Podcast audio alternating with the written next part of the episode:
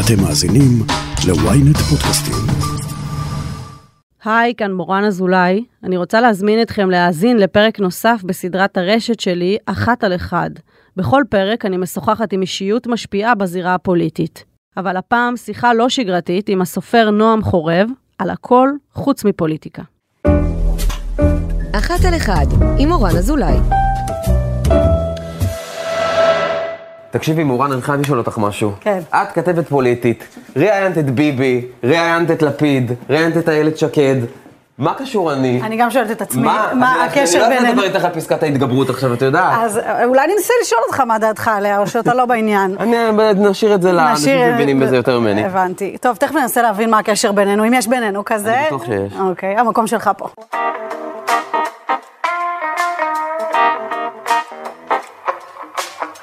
נועם חורף, שלום. מה העניינים? תשמע, דיברנו על זה בפתיח כשנכנסנו, וצריך לדבר על זה שוב. אני כתבת פוליטית, אתה כותב.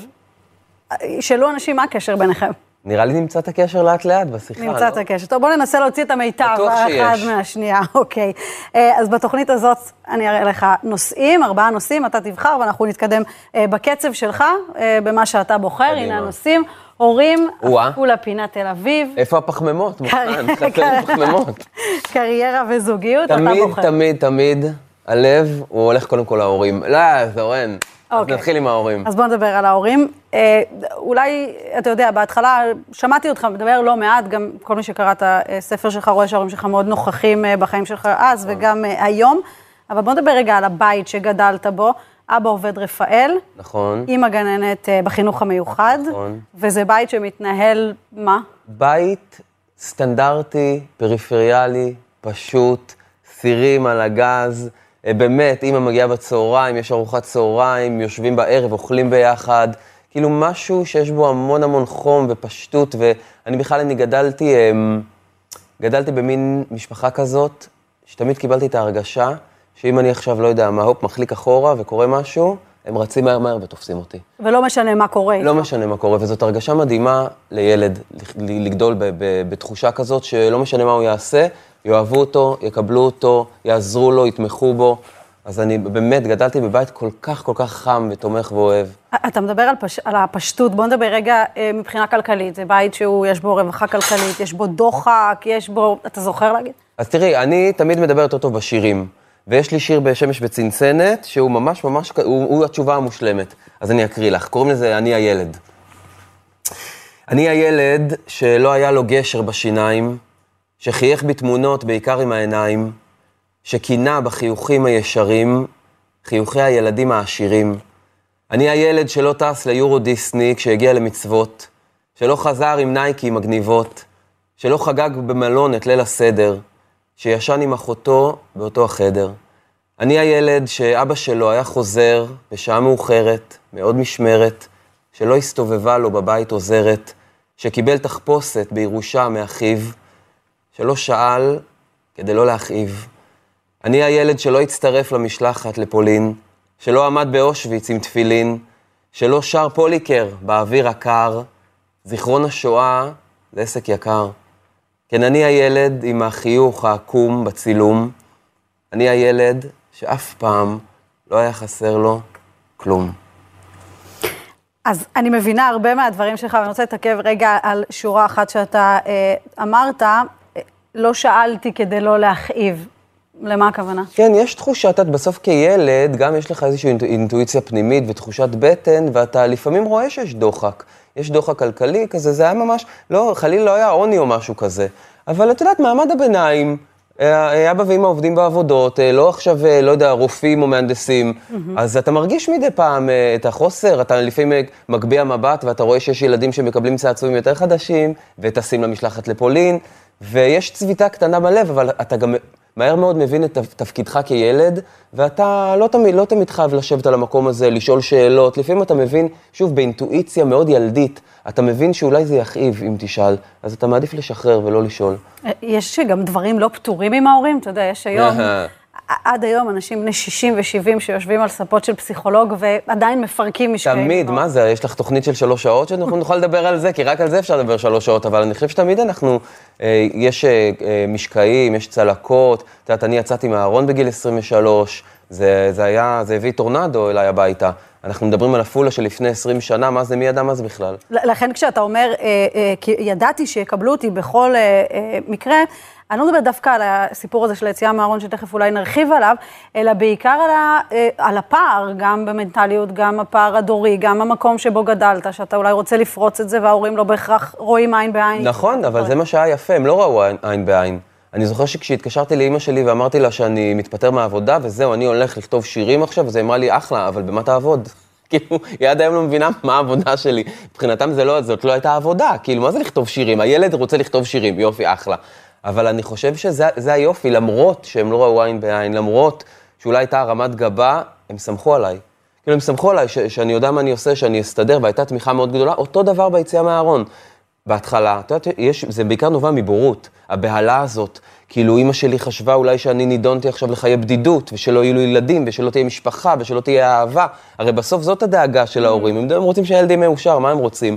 ו- אבל עדיין, הם היו שם בשבילי, ותמכו ואהבו. וזה מה שאתה, זה מה שאתה זוכר, אבל יש לך כעסים גם לפעמים?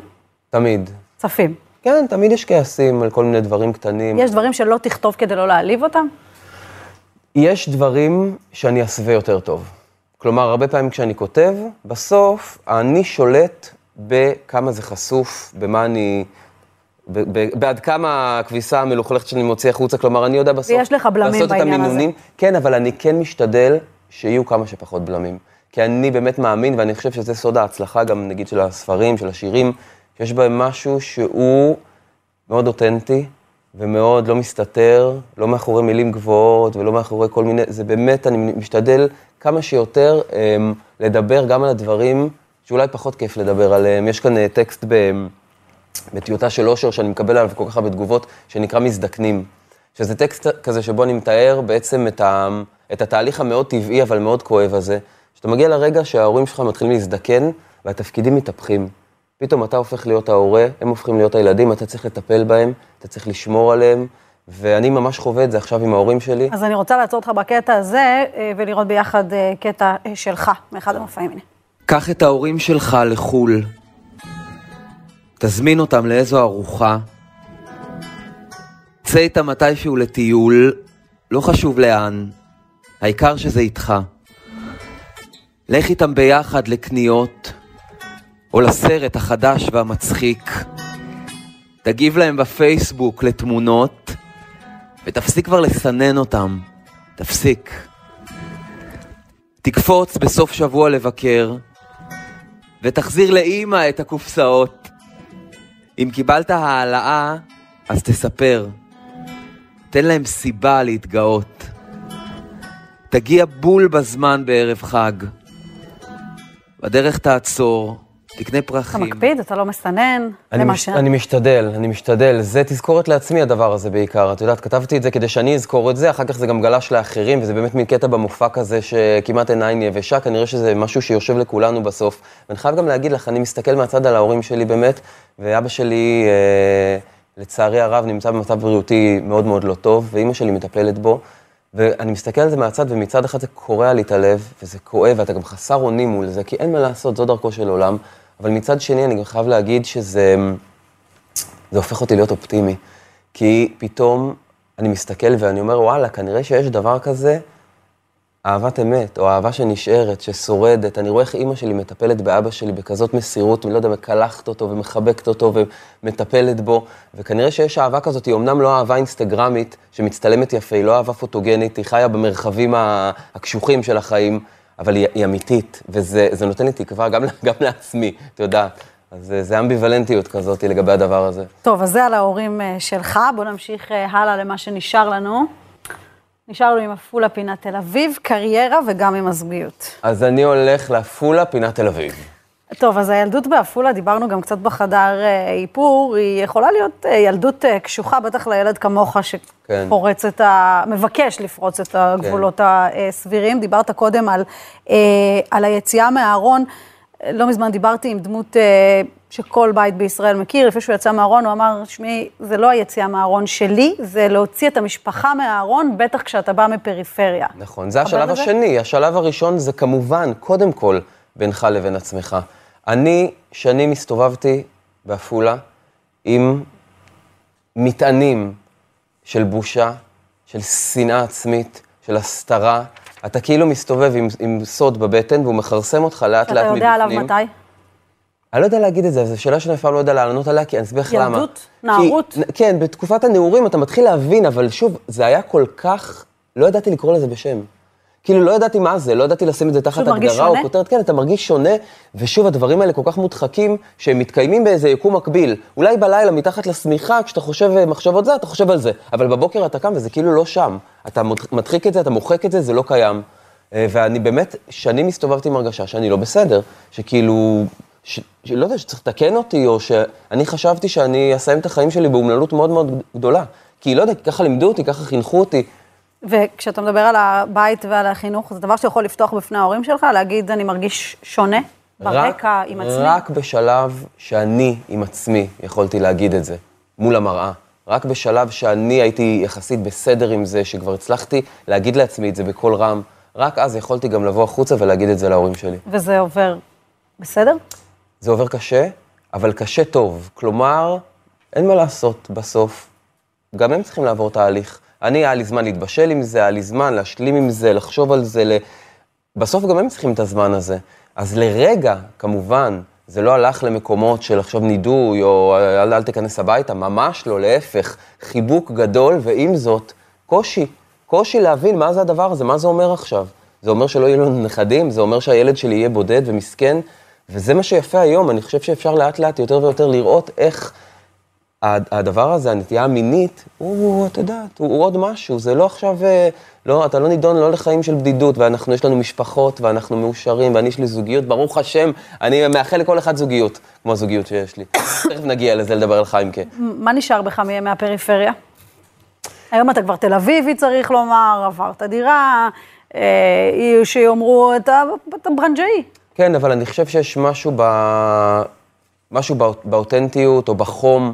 אני חושב, שוב, אני גדלתי במין בניין כזה שכולם מכירים את כולם וכולם מתערבים בחיים של כולם. ושרה השכנה נכנסת בצהריים עם קוסקוס וכל... כאילו ממש קלישאה של פריפריה, ואני חושב שמשהו בזה נדבק בך. אתה לא יכול להתנתק מזה, מהחום, מהישראליות הזאת, אני חושב שזה גם מאוד בא לידי ביטוי בכתיבה שלי, בשירים שלי, זה תמיד חם ו... ומחבק ועוטף, אז אני חושב שזה הדבר ש... ש... שאי אפשר לקחת. יש לך אה, רגשי נחיתות לפעמים, גם היום, למרות ההצלחה ולמרות שאתה כבר גר בתל אביב ועשית ריסטארט על הכל נניח, אה, רגעים שלפעמים נועם מעפולה. אז אני אגיד לך, אז אני עברתי תהליך מאוד מעניין עם זה. למה? כי כשאני עברתי מעפולה לתל אביב, וואו, אני הייתי ברגשי נחיתות. כל בן אדם שני שפגשתי בתל אביב, וואלה, או שהוא היה בלהקה צבאית, או שהיה בכוכב נולד, אמא שלו חברה של שלמה ארצי, כולם היו נראים לי, כאילו, את יודעת, מה זה פרוטקציות ומבינים ותל אביבים, ולאט לאט אתה מבין שדווקא הכוח שלך זה, זה הדבר הזה, זה הפריפריאליות, זה המקום שממנו הגעת. באמת היום, אני אומר לך בשיא הכנות, יש בי אפס חרטה על זה שלא נולדתי בתל אביב, או לא הייתי רוצה להיוולד בשום מקום אחר. אתה גם מבין לאט לאט שמהחומרים האלה אתה יוצר. באמת, זאת, זאת הבאר שלי, מזה בסוף אני שואב את, ה, את החומרים. את, אז, אז היום, פחות ופחות ופחות, לפעמים זה מרים את ראשו המכוער, הדבר הזה, אבל בגדול... זה קורה לך היום גם? מדי פעם, ממש בקטנות. לפעמים, ב, לפעמים כשאני מגיע לאיזה אירוע פתאום שיש כזה מלא אנשים, אני הייתי פתאום מרגיש כמו הילד הקטן מעפולה שלא מוצא את עצמו, שקצת מתבלבל, אבל זה גם בסדר שזה נשאר בך. זה בסדר, זה, זה חלק ממי שאני, זה חלק מהיצירה שלי. גם מזה לא הייתי רוצה להיפטר. אז אני רוצה לשאול אותך, בספרים שלך אתה אה, מתאר, אה, לדעתי, יותר מפעם אחת על אה, מצבים של חרדות, למשל. נכון. זה דבר שעדיין אתה מוצא את עצמך מתמודד איתו? כן, פחות ופחות. אני בצבא, אני עברתי משבר מאוד גדול. עברתי בצבא, לא יודע איך לקרוא לזה, מסכת של התקפי חרדה, אה, ממש במשך חודשים ארוכים, שכבר הגיעו גם למצבים בריאותיים לא טובים, ואני... מה, זה קושי לנשום, הזעה, כל מה שמתואר? הכל, הכל, כל החבילה. קיבלתי את כל החבילה, ואני, באותה תקופה, כשעברתי את זה, שייכתי את זה לזה שאני, פתאום שמו אותי רחוק מה, מה, מהבית, אני רציתי להיות בגלי צה"ל, לא התקבלתי לגלי צה"ל, שמו אותי להיות, לא יודע, חשמלאי מסוקים, עכשיו מדובר בבן אדם שלא יודע להפעיל את המיקרו, כן? איך אני אמור לתקן מטוס עכשיו? ואני שייכתי את זה לזה, הייתי בטוח שבגלל זה אני עכשיו קורס, הגוף בקריסה, הנפש בקריסה, אבל היום, כמבוגר, ממרחק הזמן, זה ברור לי שזה העניין של היציאה מהארון. כלומר, אני עדיין הייתי בארון, ואתה מסתובב עם הדבר הזה. וזה אין, זה מחסל אותך. נשאר ממך מעט מאוד בן אדם והרבה מאוד סוד. ו- והיום אני מבין, שוב... וככל שהשתחררת מזה, גם החרדות משתחררות? או שאתה... לגמרי, אין בכלל מה לדבר. אנשים נוטים אה, לחשוב שיציאה מהארון זה קשור רק למה שאתה עושה במיטה, אני מכיר את, ה- את האמירה הזאת, וזה ממש לא ככה. כי בסוף, כשאתה סוחב כזה סוד, הרי מה, מה, מה קורה? אתה נדרש להיות בבקרה עצמית ובאיזושהי שליטה 24 שעות, אתה כל הזמן קפוץ, אתה לא יכול לשחרר את האמת, אתה לא יכול להרגיש בנוח. בלי קשר, בהכל, גם על הרחבת ריקודים, גם כשאתה מדבר עם שכנה, אתה לא יכול, אתה כל הזמן באיזה, ב- בחשש, באיזה פחד כזה, שמשהו ישתחרר החוצה. ולכן, כשהדבר הזה משתחרר ואתה מתחיל להרגיש בנוח איתו, באמת, אתה מתחיל נושם. לנשום, אתה נושם, זה מדהים, זה פיזית, פיזית זה קורה לך, הגוף משתחרר. אתה מאמין בטיפול פסיכולוגי? כן, אני פרנסתי פסיכולוג- פסיכולוגים מלא שנים, מה יש לך? ברור. גם היום, או, או חושב, גם שהיום היום, כבר אתה היום, בורח חושב שזה- לכתיבה? אני חושב שזה מאוד תלוי בכימיה. כאילו, אני נגיד בן אדם קצת, אה, פחות מתאים לי עכשיו לשבת ולחפור אחורה מה היה ואיך זה, קצת יותר פרקטיקה, אני אוהב פרקטיקה, אני אוהב כזה, כשנותנים לי כלים אה, זה, אבל בטח שאני מאמין בזה. אני חושב שכל בן אדם צריך את זה. אז אני רוצה לשאול אותך, אה, גם אפרופו הכתיבה שלך וגם כל מה שדיברנו על חרדות, בספר הראשון שלך, בטיוטה של אושר, יש שם משהו אה, שברירי, הרבה מאוד סדקים שעולים, איזושהי אישיות לא מגובשת. נכון. זה נגע בהמון המון אנשים, אנשים, אולי בגלל האותנטיות ודווקא השבריריות של זה, אבל ככל שאתה מתפתח ככותב, אתה הופך להיות משהו קצת יותר מגובש, קצת יותר שלם. יש לך חשש שדווקא הדבר הזה יכול פתאום לא לגעת, שאנשים מתחברים יותר לשבר מאשר לשלם? קודם כל, תמיד יש חשש, כזה בכלל, בכללי, תמיד יש חשש שאתה לא תהיה רלוונטי, שזה ייגמר לך, שפתאום זה לא ירגש יותר, שהיה לי פוקס, הנה הספר הזה הצליח, כי את יודעת, לפני, הספר, לפני שהספר השני יצא, אני הייתי, זה היה לי מאוד קשה. כאילו, כי הספר הראשון כל כך הצליח, ספר שירים ישראלי שמוכר 200 אלף עותקים, איך אתה מוציא ספר שני עכשיו? כאילו, מה אתה עושה? איך עומדים בציפיות האלה? אני באמת, היה לי המון חרדות ולילות ללא שינה, עד שבסוף גם את זה, עם המון המון עבודה פנימית, אתה לומד לשחרר, אתה לומד להבין שזה ספר ראשון. ספר שני בא לספר סיפור אחר, יש נרטיב אחר. אני חושב שהכי יפה זה תמיד לראות בכריכות את ההבדלים. עם הכריכה הראשונה, כי תמיד הכריכה היא איזושהי חלון ראווה לספר. הכריכה הראשונה שבורה, זה מורכב משתי תמונות שלי שחצויות, והכל שרוט ומלא שכבות של טקסטים ומלא, המון, המון כאילו, כמו שאת אומרת, משהו מאוד מאוד לא, לא, לא שלם, לא מגובש. ובספר השני כבר את רואה, יש משהו במבט קצת יותר עגול ורגוע ושלב וחי עם עצמו בשולם, וכן, זה, זה תהליך שאנחנו עוברים כבני אדם. החשש הזה קיים, אבל, אבל אין לי מה לעשות אבל איתו. פה הכתיבה מן הסתם יותר משוחררת, כי אתה לא יודע מה מצפה לך ואתה כותב את האמת שלך, ואז כשהזכרת את רף הציפיות, כשיש רף ציפיות, אתה אולי מנסה לכתוב אחרת, להתאים את עצמך לציפיות, איך זה עובד? אז אני מודה שזה מה שקרה בהתחלה. אני התבלבלתי. בהתחלה... ניסית למצוא חן. כן, כן, וזו תכונה שלי, תכונה שלי שאני אני בן אדם יחסית מרצה, אני, אולי בגלל שכל החיים אני הרגשתי שלא הבינו אותי, אז יש לי צורך נורא גדול שאולי שיבינו אותי, שיאהבו אותי, והרבה עדיין? פעמים... כן, עדיין. והרבה פעמים כן, זה גם בא לידי ביטוי בכתיבה שלי. אבל אני, אז אני מודה שבתחילת העבודה על הספר, זה ממש היה ככה. כלומר, בתחילת העבודה על הספר, כל הזמן הדבר הזה של רגע, אבל אנשים יאהבו את זה, אבל אנשים יתחברו לזה, אבל אנשים יקנו את זה, עד ש? זה מה שהוביל אותי. עד, ש, עד שמשהו במצפן הפנימי שלי אותת לי, כאילו היה לי, ממש היה לי, אה, גם, זה אצלי נורא פיזי הדברים. לא הייתי נרדם בלילה, וממש הייתי חסר מנוחה. הבנתי בבטן שלי, בן אדם מאוד אינטואיטיבי, הבנתי בבטן שלי שמשהו לא, משהו לא, לא הולך, לא, לא, לא כמו שצריך. ואז מה שעשינו זה, אני וחיים, כן, אנחנו אה, החלטנו שאנחנו. עוזבים את הכל, הבן זוג שלי, כן, ונסענו למדבר. נסענו למדבר לאיזה שבוע, ניתקנו טלפונים, עשיתי איזה מין כזה, את יודעת, אה, זמן כזה עם עצמי, בלי הסחות דעת, בלי רעשים חיצוניים, כי בסוף זה הכל הרעשים החיצוניים האלה ש... ואני אני מרגיש שזה עבד לי, כלומר, אני מרגיש שהצלחתי לסנן את הדבר הזה, ובגלל זה גם הספר, כי תראי, הכי קל זה היה לכתוב עוד טיוטה של אושר. ואפילו לקרוא לזה, הייתה לנו מחשבה כזאת בהתחלה, לקרוא לזה טיוטה שנייה של אושר, יאללה, כבר יש מותג מצליח, אנשים מחכים לזה, גם נעשה אותו סטייל של ספר, אותה, שוב, לדבר על השברים ועל הזה.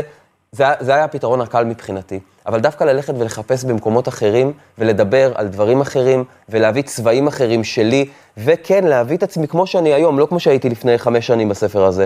זה, זה היה האתגר, ואני מודה שבהתחלה התבלבלתי, אבל אני, אני מרגיש שבסוף זה לגמרי קרה. שזה אמת. מה כן, שהבאת כן, פה זה אמת. אחרת, וואי, זה בחיים לא היה יוצא. אני ממש, הססמוגרף שלי מאוד רגיש בדברים האלה. אם הייתי מרגיש שיש בזה טיפה משהו שהוא לא אני או לא אמת, זה, זה, זה לא היה קורה. אוקיי, זמן לקובייה נוספת. יאללה. קריירה וזוגיות, אתה בוחר. אני הולך על קריירה. קריירה, כי את הטוב שומרים לסוף. ברור. הבנתי. אה, אתה יודע, נדמה לי ששמעת את זה הרבה מאוד פעמים, ואני אגיד את זה שוב, תתייחס לזה לפרוטוקול. כל בן אדם אומר, קראתי את זה, זה נכתב עליי. איך? אגב, כמה ששמעתי את זה, תמיד כיף לשמוע את זה שוב. תמיד כשאנשים ניגשים אליי ואומרים, בטח אומרים לך את זה מלא, וכבר אין לך כוח לשמוע, לא, תמיד יש לי כוח לשמוע דברים כאלה, את יודעת. כל אחד יכול לחשוב שזה סיפור יוצר שלו. ואומן, זה הכי כיף לי. עכשיו, זה באמת, זה באמת התגובה שאני הכי מקבל, זה עליי. הספר עליי, השיר עליי, הטקסט הזה, מה זה? זה עליי, זה על מערכת היחסים שלי, זה על אימא שלי, זה על הבן זוג שלי. אני חושב שאני הבנתי משהו.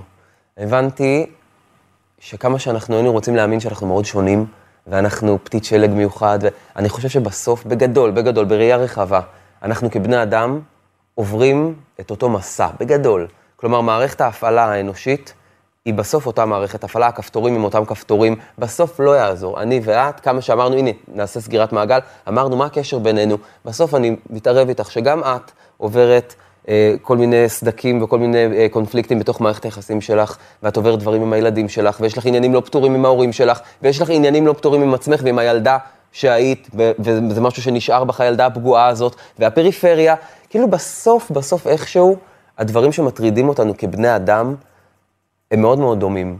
וברגע שאתה כותב עליהם, ב... בלי הרבה פילטרים ובאותנטיות, באמת כל אחד יכול לחשוב שזה נכתב עליו. בסוף זה כמובן נכתב עליי, לא יעזור, כן? אבל זה בסוף מראה.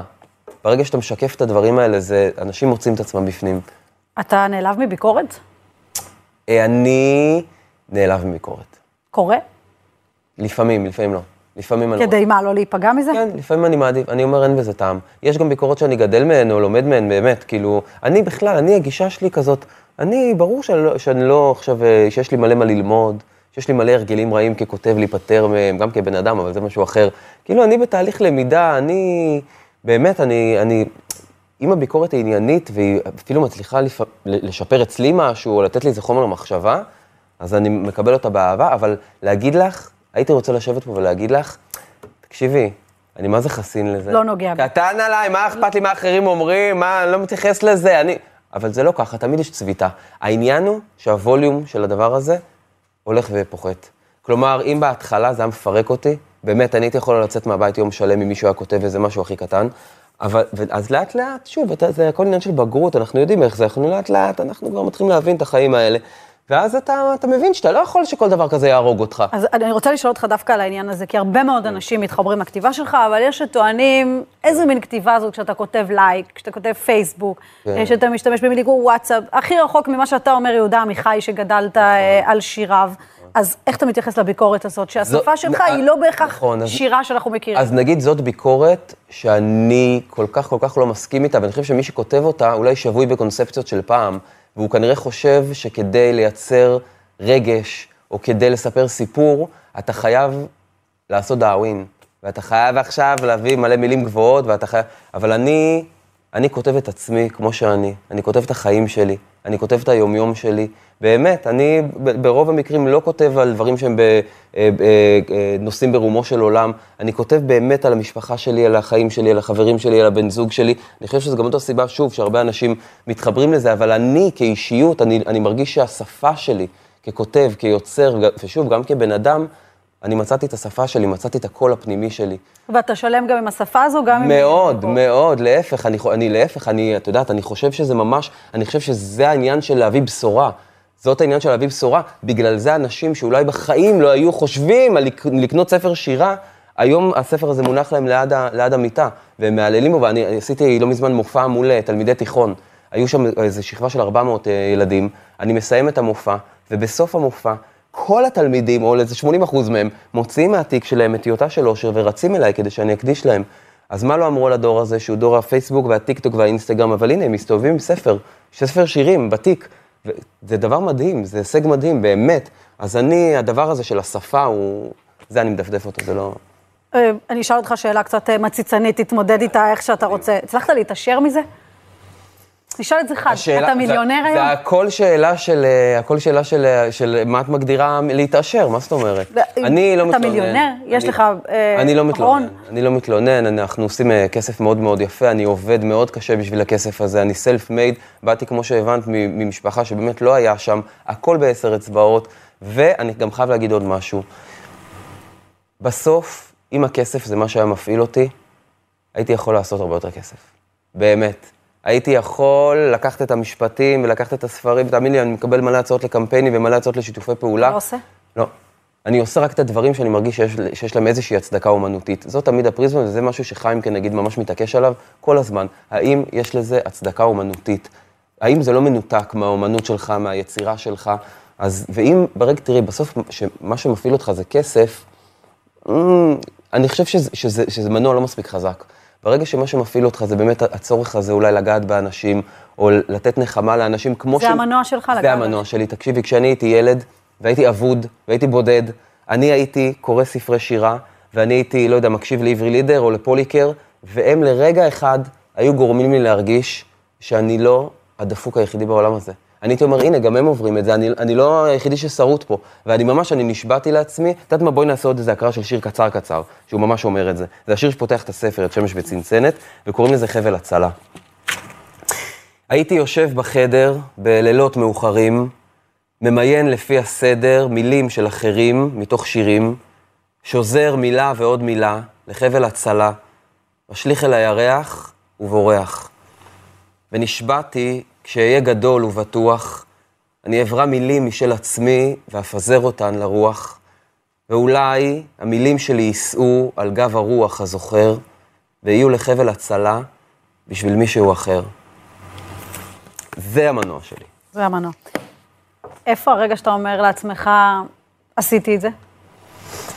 יש כזה אחד? לא. לא, אין, אין, זו שאלה גם שחוזרת, ואין כזה איזה רגע כזה שאני עומד מהצד ואני אומר, וואלה, אתה כאילו, כי זה מורכב בהמון רגעים קטנים. זה מתחיל מהדברים הגדולים. אתמול הופעתי בתיאטרון הצפון מול 1,100 איש, אולם מפוצץ באנשים מדהים, אנשים קנו כרטיס, לקחו בייביסיטר ובאו לראות מישהו שהוא, שהוא יוצר, שהוא כותב שירים, זה, זה באמת, זה דבר בלתי נתפס. וזה, ו, ו, וכלה בהודעות קטנות שאני מקבל על מישהו שפתאום, את יודעת, בסוף הספר הזה, נגיד גם טיוטה, גם שמש וצנצנת, זה ספר שמתעסק המון במערכות יחסים בין גבר לגבר, אני מספר על האהבה שלי, אני מספר על החיים שלי עם חיים, את יודעת, נגיד אצל הדתיים, הספר הזה הוא להיט ענק, זה דבר, זה, זה מטורף. ש, את יודעת, בכלל, לא רק אצל דתיים כמובן, אבל בכלל אצל אנשים זה משנה תפיסה. פתאום ספר ש, ש, שחצי ממנו הוא שירי אהבה מגבר לגבר, הוא הופך להיות קונסנזוס, זה דבר מדהים בשבילי, באמת, אני כאילו, אני מברך על זה כל כך. טוב, הגיע הזמן עכשיו, לקובייה עשינו האחרונה. כזה בילדאפ. לא, לא השארת לי ברירה. עכשיו, מה הבעיה? שהוא יושב פה מולי, איך אני יכול לדבר עליו? תתאמץ. חיים הוא הבן זוג שלך בעצם, נכון. הוא גם המנהל שלך. נכון. איך עושים את זה ביחד? אה, עושים. אנחנו בהתחלה, כש... קודם כל, זה לא הייתה החלטה, זה קרה אורגנית. כלומר, כשאני פגשתי את חיים, הוא היה קצין, קרבי, תותחנים, 12 שנה, בן אדם הכי סאחי שתשתתפי. שניכם כבר מחוץ לארון. אה, לא, הוא היה בארון. הוא היה בארון. אני משכתי אותו החוצה. אמ, 12 שנה הוא היה בצבא, פגשתי בן אדם, איש צבא, הכל, הוא חי הכל פנימה, אין החוצה. אין, אין, אין הפגנת רגש, הכל מאוד כזה... ועברתי איתו תהליך מאוד יפה, גם עברתי איתו תהליך יפה של... אתה מתחיל איתו? אני התחלתי איתו. כן, לא יכולתי, הוא, הוא הפנט אותי, הוא ממש זה, אז אה, אני התחלתי איתו, ו... אבל האמת שהייתי בטוח שזה לא, לא יהיה לזה המשכיות, הייתי בטוח שזה כזה משהו נחמד ללילה. אבל הנה, שבע שנים עברו ואנחנו עדיין ביחד, ואני עברתי איתו משהו מאוד יפה, את יודעת, כי באמת הוא היה בארון כשאני פגשתי אותו, ויש את השיר הזה של אה, אהוד מנור ומתי כספי, זו ילדותי השנייה. אז אני עברתי איתו לא את הילדות מחדש, עברתי איתו מחדש את היציאה מהארון. ממש עברתי, כאילו עברתי איתו מחדש את כל מה שאני עברתי בגיל 23, פתאום נזכרתי כמה זה משחרר וכמה זה יפה ו... וגם כמה זה קשה. וכמה זה קשה, קשה, קשה. פתאום לפתוח את הדלת ולצאת, והאור בהתחלה מסנוור וקשה לנשום בהתחלה. אבל יש לך כוח לשאת את זה פעם שנייה, כי זה גם ממך דורש לא מעט. זאת לא הייתה אחריות מבחינתי, זו הייתה זכות. זו הייתה זכות שניתנה לי לעבור איתו את זה מחדש, ולראות אותו משתחרר לעולם. ועכשיו, אתה רוצה להיות אבא? עכשיו אני רוצה להיות אבא. כן, אנחנו עובדים על זה. זה אומר שמה, תוך שנה? משהו? כמו שנה, כן, משהו כמו שנה, ושאלת לגבי לא עניתי לך, אבל בהתחלה כשהתחלנו לעבוד ביחד, אז כולם כזה אמרו, תקשיבו, זה יגמור לכם את הזוגיות, אתם עושים טעות, אתם לא מבינים, אתם תעלו אחד לשני על העצבים. ומדי פעם עולים אחד לשני על העצבים, אבל אני חייב להגיד, בגדול, עובד לנו. יש הרמוניה, אני אסביר לך למה, אין אגו. אין אגו, כל אחד יודע את המקום שלו, יודעים מתי טיפה לקחת אחורה, מתי ללחוץ. כאילו יש, אמ, הדינמיקה היא מאוד מאוד עדינה. אז זה מארג מאוד עדין כזה של... אז ברגע שאין אגו ושכל אחד מבין את מקומו, וואלה, זה יכול לעבוד. אני רוצה לקרוא, ל- לשאול אותך אה, לקראת סיום, אמרנו, הרבה מאוד אנשים קוראים את השירים שלך, מצלמים, מעבירים, נכון. אה, עושים עם זה אה, לא מעט. בסוף, אתה צריך להישאר באנרגיה מאוד מאוד גבוהה, גם בגלל הדבר הזה. יש לך איזה מקור אנרגיה ששם אתה ככה שואב, אתה כותב בבית, אתה כותב בבית קפה, אה, מה מקור האנרגיה, איך זה עובד? אז קודם כל לגבי העניין של הכתיבה, אנשים הרבה פעמים חושבים שתהליך הכתיבה הוא מתחיל ברגע שאתה מתיישב מול המחשב או מול המחברת ומתחיל לכתוב. זה ממש לא ככה, זה רק ה-execution, זה רק התולדה הסופית. אני כותב 24 שעות, גם תוך כדי שאני איתך פה נשבע לך, עלו לי כבר איזה ארבע רעיונות לשירים בגלל הדברים ששאלת. כלומר, בן אדם שהוא כותב, הוא כותב כל הזמן, פנימה, הוא כותב פנימה, הוא אוסף חומרים, הוא אוגר, אחר כך הוא מקיא את זה על הדף, זה רק שוב השלב הטכני של לסדר את זה, של לבחור את המילים הנכונות, את הסדר של המילים, את המשקלים, את החריזה במקרה של שיר. אבל אני כותב כל הזמן, ולגבי המקור של האנרגיה, זה דבר מדהים מה שאת שואלת, כי פתאום כשאני חושב על זה, הדבר הזה של האהבה המטורפת ולפעמים הבלתי ניתנת להכלה הזאת שהם מרעיפים עליי, היא גם מרוקנת אותי מאנרגיה, כי אני מרגיש שאני צריך לתת כל הזמן, אבל היא גם מה שמטעין אותי באנרגיה. אני לא יודע איך זה עובד הדבר הזה, אבל זה כאילו יש בזה, זה ממש, אה, זה דואלי. זה, זה גם מרוקן ו- ובו זמנית ממלא. דיברנו על הרצון שלך להיות אבא, כתבת כבר ספרים לילדים, אתה גם נכון. יוצא במופע תכף. אה, נכון, מופע חנוכה, מתנות קטנות, היה אלבום, היה שזה לילדים, זה. הכי שונה. מהסגנון השברירי שאתה מביא בספרים שלך. נכון. לא, גם בילדים זה, תראי, מי שיקרא את אה, לציונה יש כנף אחת, את טביעת האצבע של אייל, ישר יבין שזה אני. זה, אני מתייחס לילדים, באמת, באותה חרדת קודש, באותו כבוד, אה, כמו שאני מתייחס לספרים של המבוגרים שלי, וזה כתוב ממש באותה שפה מבחינתי. כלומר, אני מדבר לילדים בגובה העיניים, כמו שאני מדבר בגובה העיניים פה בספרים של, ה, של המבוגרים, כביכול. נועם חורב, איך אני אגיד לך את זה? נגמר לנו הזמן. נורא מהר. נכון. תודה רבה לך. תזמיני אותי שוב. על הרעיון. נתראה, בוודאי. ולא דיברנו על פסקת ההתגברות. וגם לא על שום מילה פוליטית, אז אה, לרעיון הבא. אבל, פעם הבאה תשאירי לזה. תודה רבה. תודה.